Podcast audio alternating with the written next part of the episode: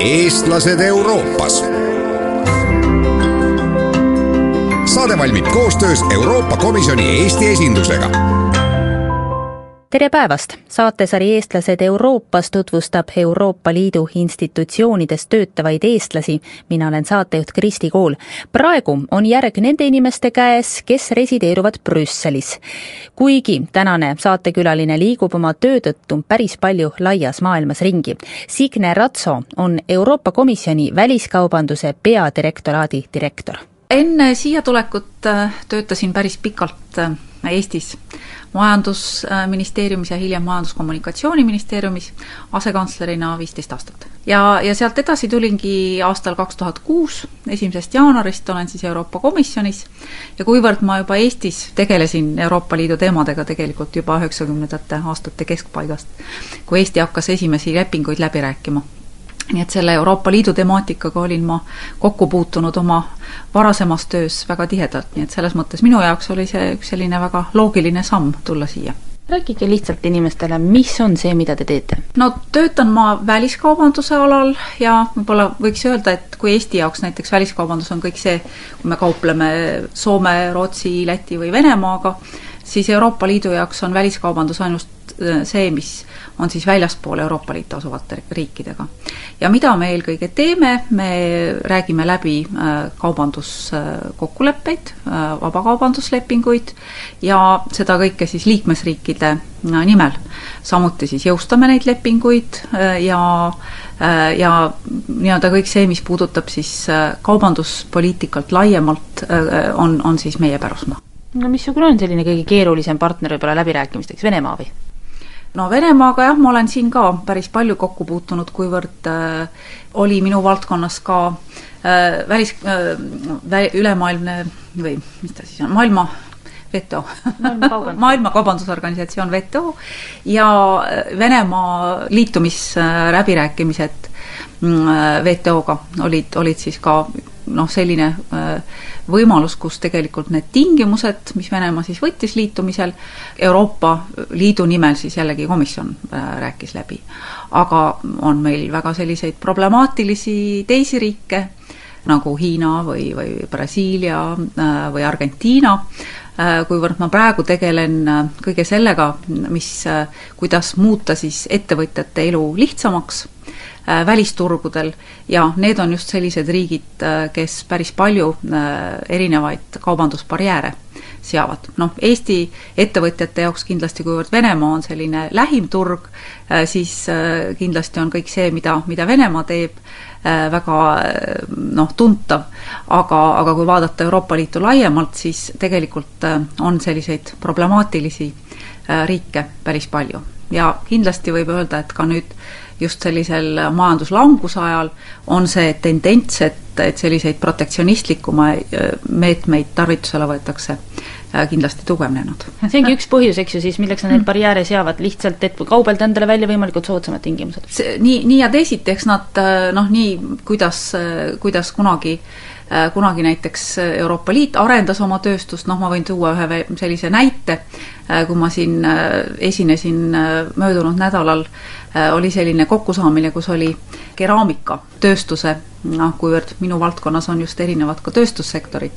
äh, keraamikatööstuse kokkusaamine, seal toodi üks selline äh, näide, et noh, praegu on kõik need Euroopa tootjad on loomulikult siis mures, sellepärast et et Hiina oma odavate kaupadega ujutab, ujutab üle Euroopa turu, aga näiteks üks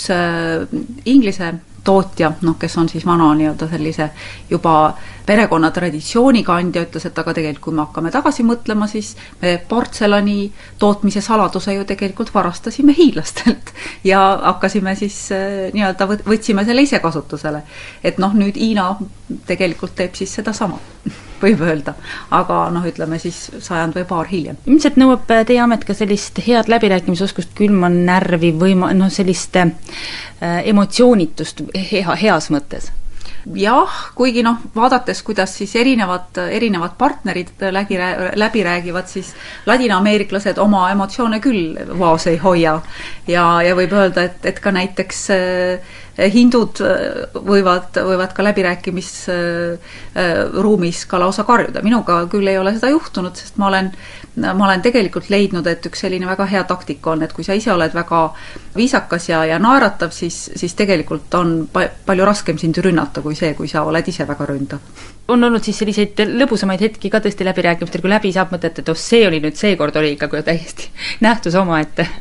Jaa, ei noh, eks on muidugi igasuguseid äh, läbirääkijaid, noh näiteks kui ma tegelesin just WTO-ga ja, ja meil olid siis Doha vooru läbirääkimised, siis äh, üks selline väga värvikas läbirääkija oli äh, Brasiilia kaubandusminister ja, ja, ja noh, teda võis küll imetleda noh, kuidas, milliseid noh, millist läbirääkimistaktikat ta, ta kasutas nii-öelda siis väga, väga aeg-ajalt väga, väga ründavat ja ja, ja teisest küljest oli ta jällegi varustatud äh, kõikvõimalike arvandmetega peensusteni, mis siis noh, kui tavaliselt on nii-öelda poliitilisel tasandil läbirääkijad, siis nad ei tarvitse teada kõiki selliseid detaile või näiteks India kaubandusminister, kes, kes alati rääkis väga värvikalt sellest, kuidas, milline, milline äh, hävitav mõju äh, võib olla siis teatud äh, nii-öelda kaubanduse liberaliseerimisel näiteks väga vaestele India talupoegadele ja mm. nii edasi aa, kaval kas on olnud selliseid hetki ka, kus teil noh, ei õnnestugi see kokkulepe saavutada ja kuidas te ennast siis tunnete? noh, võibki öelda, et võib-olla üks selline kõige pingelisem periood ongi, oli, oli, kui me nii-öelda tegime siis väga tõsiseid panistusi selleks, et, Doha äh, läbirääkimised äh, WTO-s siis Doha vooru läbirääkimised lõpule viia, mis oli kahe tuhande kaheksanda aasta suvel. Ja enne seda käiski väga pingeline protsess ka siis nii ametnike tasandil kui ka ministrite tasandil. Äh, ning äh, oli tegelikult päris hea väljavaade. äh, kokkuleppeni jõuda, aga nii-öelda siis ikkagi viimasel hetkel, viimasel minutil oli, oli siis USA põhiliselt, kes selleks, kes hüppas alt ära selles mõttes, et et et, et leidis, et see, mida, mida siis arenguriigid nagu, nagu Hiina, India, Brasiilia on valmis tegema oma tööstuskaupade liberaliseerimises, ei ole siis väärt seda, mida, mida siis USA ja Euroopa Liit on, on valmis siis oma põllumajanduse liberaliseerimises tegema. Ja, ja, ja samuti siis noh, teisest küljest just needsamad äh, samad äh, siis äh, arengumaad mm, olid siis väga kindlad selles, et, et tõepoolest neilt nõutakse liiga palju. noh, tagantjärele tarkusega äh, võib öelda, et, et äh, tegelikult äh, noh, mida on nüüd näidanud seesama majanduskriis, et väga hea oleks olnud ikkagi see kokkulepe saada, sest pala-, paraku nüüd needsamad riigid, keda ma ka ilm-, enne siin nimetasin, noh, Ladina-Ameerika ähm,, Äh, eelkõige äh, on siis väga kasutanud ära seda võimalust, et äh, praeguse nii-öelda WTO lepingute järgi on nad siis oma tollitariifid sidunud kõrgemalt kui see, mida nad tegelikult rakendavad. ja noh, nüüd nii-öelda kriisi tuues siis selliseks heaks põhjenduseks, on nad neid tariife päris palju tõstnud aga noh, ütleme, kui me oleks siis selle kokkuleppe saanud, siis oleksid nad vähemasti noh, nii-öelda alandanud neid äh, äh, selle piirini, mida nad kasutasid siis noh, aastal kaks tuhat kaheksa enne seda mm. -hmm. aga olite te siis õnnetu ka või mäletate, et noh, et te tunnete, et te olete sel hetkel, et noh, see oli ikkagi läbikukkumine või kuidas te tulete selliste emotsioonidega toime, kui vahel ei õnnestu, kõik ei õnnestu ju äh,? No siis oli muidugi kolleege, kes, kes olid tegelikult selle nimel siis töötanud ikkagi juba, juba aastaid ja, ja nii-öelda neid äh, läbirääkimisi äh, noh, nii ette valmistanud kui, kui, kui ka siis pidanud, nii et kindlasti selles mõttes oli see suureks pettumuseks, et, et ei õnnestunud ei õnnestunud kokkuleppele jõuda. noh, siis me ikkagi lootsime, et et ehk aasta või paari pärast see õnnestub, aga noh, paraku praegu me ikkagi peame nentima, et nii-öelda selline multilateraalsel kaubanduse liberaliseerimine WTO-s noh, ilmselt ei ole midagi, mida me nagu lähiajal võiksime saavutada ja sellest tulenevalt ongi nüüd ka Euroopa Liit põhisuuna ikkagi pannud sellele, et pidada vabakaubandusläbirääkimisi, siis kahepoolseid, või ka regioonidega just sealt, kus on nii-öelda kõige suurem majanduskasv ja tegelikult siis, kust meie ettevõtjad võiksid kõige enam kasu saada.